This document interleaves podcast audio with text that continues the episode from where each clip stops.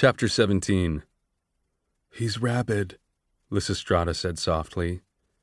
Rabies had made a comeback in the Capitol during the war. With doctors needed in the field and facilities and supply lines compromised by the bombings, medical treatment had become sketchy for humans, like Coriolanus's mother, and almost non existent for the pampered Capitol pets. Vaccinating your cat wasn't on the list of priorities when you couldn't scrape up enough money for bread. How it began remained a matter of debate. An infected coyote from the mountains? A nocturnal encounter with a bat? But the dogs spread it. Most of them were starving, abandoned casualties of the war themselves, from dog to dog and then to people. The virulent strain developed with unprecedented speed, killing over a dozen Capitol citizens before a vaccination program brought it under control. Coriolanus remembered the posters alerting people to the warning signs in animals and humans alike, adding just one more potential threat to his world. He thought of Jessup with his handkerchief pressed against his neck. The rat bite? Not a rat, said Lysistrata, shock and sadness on her face. Rats almost never spread rabies. Probably one of those mangy raccoons. Lucy Gray said he mentioned fur, so I'd assumed. He trailed off. Not that it mattered what had bitten Jessup. It was a death sentence any way you sliced it. He must have been infected about two weeks ago. It was fast, wasn't it? Very fast. Because he was bit in the neck. The quicker it gets to the brain, the quicker you die, Lysistrata explained. And of course, he's half starved and weak. If she said so, it was probably true. This was just the sort of thing he imagined the Vickers family discussing over dinner in their calm, clinical manner. Poor Jessup, said Lysistrata. Even his death has to be horrible. The recognition of Jessup's illness put the audience on edge, setting off a wave of comments thick with fear and revulsion. Rabies? How did he get that? Brought it from the districts, I'll bet. Great, now he'll infect the whole city. All the students dropped back into their seats, not wanting to miss anything, dredging up childhood memories of the disease. Coriolanus stayed silent in solidarity with Lysistrata, but his concern grew as Jessup zigzagged across the arena in Lucy Gray's direction. No telling what was going on in his mind.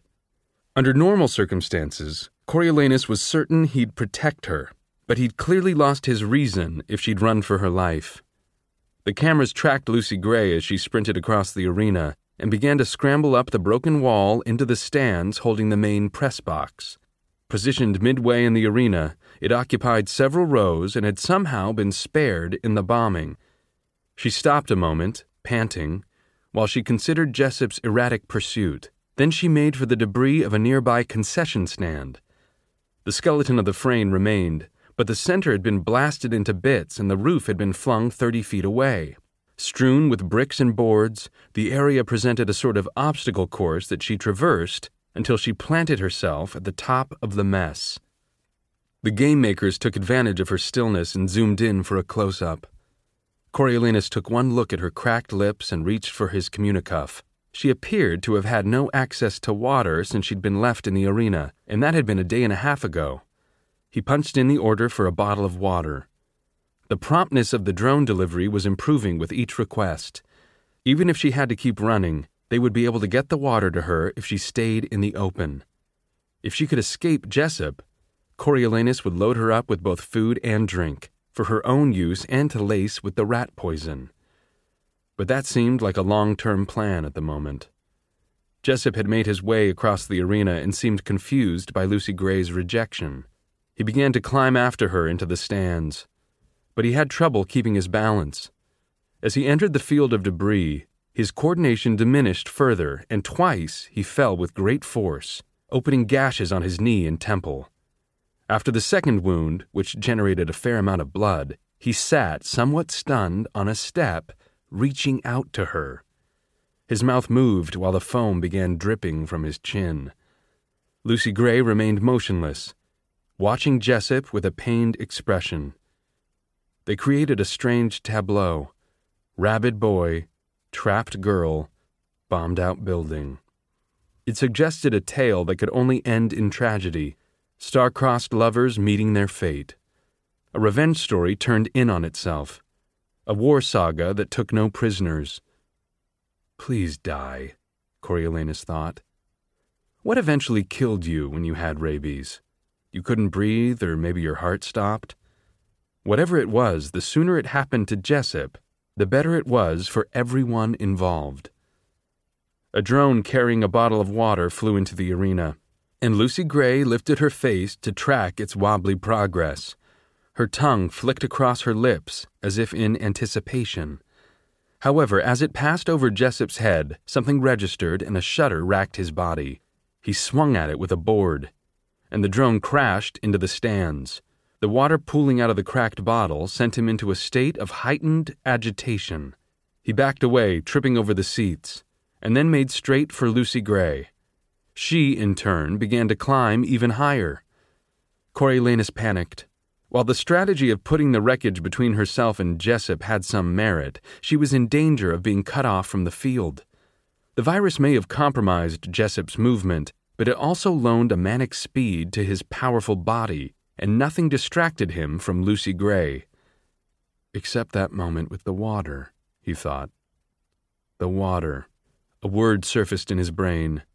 A word from the poster that had papered the Capitol for a time. Hydrophobia. A fear of water. The inability to swallow made rabies victims go wild at the sight of it. His fingers began to work his communicuff to order bottles of water. Perhaps enough of them would frighten Jessup away. He would drain his bank if he had to. Lysistrata placed her hand on his, stopping him. No, let me. He's my tribute, after all.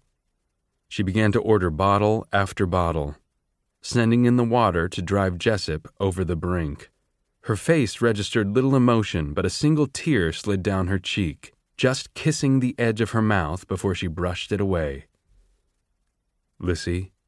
He hadn't called her that since they were tiny. You don't have to. If Jessup can't win, I want Lucy Gray to. That's what he'd want. And she can't win if he kills her, she said. Which might happen anyway. On screen, Coriolanus could see that Lucy Gray had indeed worked herself into a tough spot. To her left stood the high back wall of the arena. To her right, the thick glass side of the press box. As Jessup continued his pursuit, she made several attempts to escape him but he kept correcting his course to block her. When he came within 20 feet, she began to talk to him, putting her hand out in a soothing manner. It stopped him, but only momentarily, and he made for her again. Far across the arena, the first bottle of Lysistrata's water, or perhaps the replacement for the one that had crashed, began its flight toward the tributes. This machine seemed steadier and truer in course, as did the small fleet that followed it. The moment Lucy Gray spied the drones, she stopped her retreat. Coriolanus saw her hand pat the ruffles of her skirt over the pocket with the silver compact, and he took it as a sign that she had grasped the significance of the water. She pointed over at the drones, beginning to shout, and succeeded in getting Jessup to turn his head. Jessup froze, and his eyes bulged with fear. As the drones closed in on him, he pawed at them but failed to connect. When they started releasing the bottles of water, he lost all control. Explosive devices could not have elicited a stronger response, and the impact of the bottles smacking into the seats whipped him into a frenzy. The contents of one splattered his hand, and he recoiled as if it were acid. He gained the aisle and bounded down toward the field, but another dozen drones arrived and bombarded him.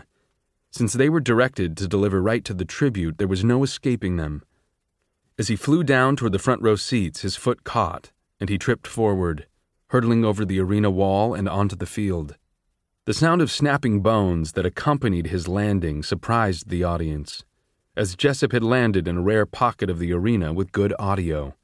He lay on his back, motionless except for the heaving in his chest. The remaining bottles rained down on him while his lips curled back and his eyes stared unblinkingly at the bright sun glinting off the water. Lucy Gray darted down the steps and hung over the railing. Jessup! The most he could do was shift his gaze to her face.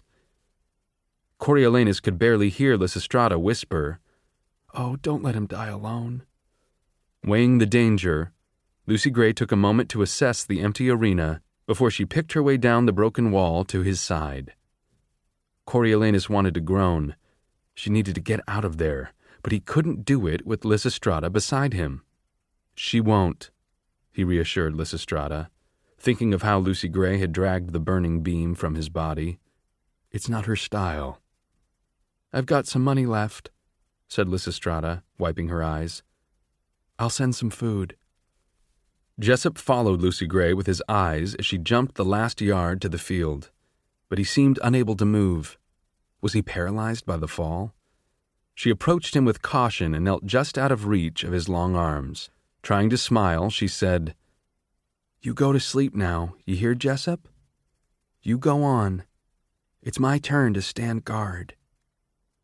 Something seemed to register her voice, or perhaps the repetition of words she'd spoken to him over the past two weeks. The rigidity eased in his face, and his eyelids fluttered. That's right. Let yourself go. How are you going to dream if you don't go to sleep? Lucy Gray scooted forward and laid a hand on his head. It's okay. I'll watch over you. I'm right here. I'm staying right here. Jessup stared at her fixedly as the life slowly ebbed out of his body and his chest became still. Lucy Gray smoothed his bangs and sat back on her heels. She heaved a deep sigh, and Coriolanus could feel her exhaustion. She shook her head as if to wake herself, then grabbed the nearest bottle of water, twisting off the top and draining it in a few gulps. A second followed, then a third before she wiped her mouth with the back of her hand. She stood up and examined Jessup, then opened another bottle and poured it over his face, washing away the foam and spittle. From her pocket, she took the white linen napkin that had lined the picnic box Coriolanus brought her the final night. She leaned down and used the edge to gently shut his eyelids, then shook out the cloth and covered his face to hide it from the audience. The food parcels from Lysistrata thumping down around her seemed to bring Lucy Gray back to the moment, and she quickly scooped up the pieces of bread and cheese and stuffed them in her pockets. She gathered the bottles of water in her skirt, but pulled up short as Reaper appeared at the far end of the arena. Lucy Gray lost no time in vanishing into the nearest tunnel with her gifts. Reaper let her go, but walked over to collect the last few water bottles in the fading light, taking note of Jessup but leaving his body alone. Coriolanus thought it might bode well for later. If the tributes kept making a habit of scavenging the gifts of the fallen, they'd play right into the poisoning plan. He didn't have much time to dwell on it, though, as Lepidus arrived to claim Lysistrata. Whoa, Lepidus said. That was unexpected. Did you know about the rabies? Of course not. I would have alerted the authorities so they could test the raccoons in the zoo, she said. What? You mean he didn't bring it from the districts? said Lepidus. Lysistrata was firm. No, he was bitten here in the Capitol. At the zoo? Lepidus looked worried. A lot of us have been spending time at the zoo. A raccoon was over by my equipment, you know, scratching around with those weird little hands, and. You don't have rabies, Lysistrata said flatly. Lepidus made a clawing motion with his fingers. It was touching my things. Did you have any questions about Jessup? she asked. Jessup? No, I never got near him. Oh, um, you meant, did you have any thoughts? he asked. I do. She took a deep breath. What I'd like people to know about Jessup is that he was a good person. He threw his body over mine to protect me when the bombs started going off in the arena. It wasn't even conscious. He did it reflexively. That's who he was at heart, a protector. I don't think he would have ever won the games because he'd have died trying to protect Lucy Gray. Oh, like a dog or something, Lepidus nodded. A really good one. No, not like a dog. Like a human being, said Lysistrata.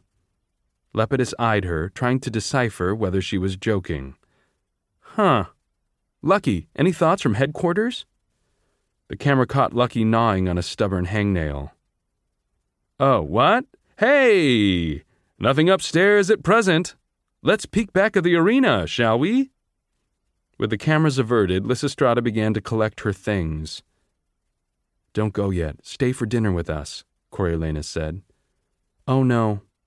I just want to go home. But thanks for being there, Corio. You're a good ally, she said. He hugged her. You are. I know that wasn't easy. She sighed. Well, at least I'm out of it. The other mentors gathered around her, saying good job and whatever, before she left the hall without waiting for the rest of the student body to head out. That was soon to follow, and within a few minutes the ten remaining mentors were all that was left behind. They examined one another with new eyes now that the plinth prize was in play, each hoping not just to have a victor, but to be a victor in the games. The same thought must have occurred to the game makers, because Lucky reclaimed the screen to do a rundown of the remaining tributes and their mentors. A split screen showed photos of the pairings side by side, accompanied by his voiceover. Some of the mentors groaned when they realized their unflattering student ID photos had been downloaded, but Coriolanus felt relieved that they weren't highlighting his current scabby face. The tributes, who had no official photographs, showed up in random shots taken since the reaping. The list went chronologically by district starting with District 3's Urban Teslee and Io Circ pairings. Our Tech District tributes have us all wondering what did they do with those drones? said Lucky. Festus and Coral appeared next, followed by Persephone and Mizzen. The District 4 tributes are sailing high as we entered the final ten. Lamina on her beam and Pup's photo brought a cheer from Pup until it was replaced by Treech juggling at the zoo and Vipsania. And crowd favorites Lamina and Pliny Harrington are joined by the District 7 boy, Treech, and his mentor, Vipsania Sickle. So, Districts 3, 4, and 7 all have both their teams intact. Now to the solo tributes. A blurry picture of Wovey crouched down at the zoo, coupled with Hilarius with a bad acne outbreak. Wovey from 8 with Hilarius Heavensbee as a guide. Since they used his interview shot, Tanner looked better as he came up side by side with Domitia. The boy from 10 can't wait to put his slaughterhouse techniques to good use. Then Reaper, standing strong in the arena, matched with a flawless looking Clemensia. Here's a tribute you might want to rethink Reaper from 11. Finally, Coriolanus saw his own photo. Not great, not bad, with a dazzling photo of Lucy Gray singing at the interview. And the award for most popular goes to Coriolanus Snow and Lucy Gray from 12. Most popular? It was flattering, Coriolanus supposed, but not especially intimidating. Never mind, though. Popular had gotten Lucy Gray a pile of money. She was alive, watered, fed, and well stocked. Hopefully, she could hole up while the others thinned their ranks. Losing Jessup as her protector was a blow, but it would be easier for her to hide by herself. Coriolanus had promised her she would never really be alone in the arena, that he would be with her all the way. Was she holding on to that compact now? Thinking of him as he was of her? Coriolanus updated his mentor sheet, taking no pleasure in crossing out Jessup and Lysistrata, along with Bobbin, Dill, and the girl from District 5. The field had narrowed considerably, but several of the surviving tributes would be tough to beat.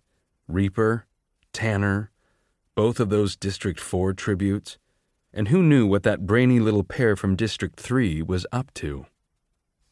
As the ten mentors gathered for a delicious lamb stew with dried plums, Coriolanus missed Lysistrata. She had been his only real ally, just as Jessup had been Lucy Gray's. After supper, he sat between Festus and Hilarius, doing his best to keep from nodding off. At around nine, with nothing eventful having happened since Jessup's death, they were sent home with orders to be there all the earlier the following morning. The walk home loomed, but he remembered the second token from Tigris and gratefully mounted the trolley which dropped him a block from his apartment. The grandmam had gone to bed, but Tigris waited for him in his bedroom, again enveloped in her mother's fur coat. He collapsed on the chaise lounge at her feet. knowing he owed her an explanation of his time in the arena. It wasn't only fatigue that made him hesitate. I know you want to hear about last night, he told her. But I'm afraid to tell you. I'm afraid you could get in trouble for knowing it. It's okay, Corio. Your shirt's told me most of it. From the floor, she retrieved the shirt he'd worn in the arena. Clothes speak to me, you know? She smoothed it out on her lap and began to reconstruct the terrors of his night, first lifting the blood-stained slit in the material on the sleeve. Right here. This is where the knife cut you. Her fingers tracked the damage down the fabric. All these little rips, and the way the dirt's ground in, tell me you slid, or maybe even were dragged, which matches up with the scrape on your chin and the blood on your collar. Tigris touched the neckline, then moved on.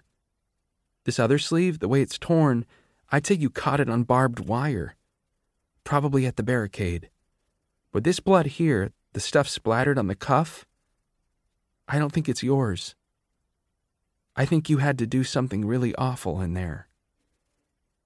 Coriolanus stared down at the blood and felt the impact of the beam on Bobbin's head. Tigris? She rubbed her temple. And I keep wondering how it came to this. That my baby cousin, who wouldn't hurt a fly, has to fight for his life in the arena. This was the last conversation in the world he wanted to have right now. I don't know. I didn't have any choice. I know that. Of course I know that. Tigris put her arms around him. I just hate what they're doing to you. I'm okay, he said. It won't last much longer, and even if I don't win, I'm a shoe in for some sort of prize. Really, I think things are about to take a turn for the better. Right, yes, I'm sure they are. Snow lands on top, she agreed. But the look on her face spoke otherwise. What is it? he asked. She shook her head. Come on, what? I wasn't going to tell you until after the Hunger Games. She fell silent. But now you have to, he said. Or I'll imagine the worst things possible. Please, just tell me. We'll figure something out. She started to rise. Tigris? He pulled her back down. What? Tigris reluctantly reached into her coat pocket, pulled out a letter marked with the Capitol stamp, and handed it to him. The tax bill came today. She didn't have to elaborate. Her expression told him everything. With no money for the taxes and no way to borrow more, the Snows were about to lose their home.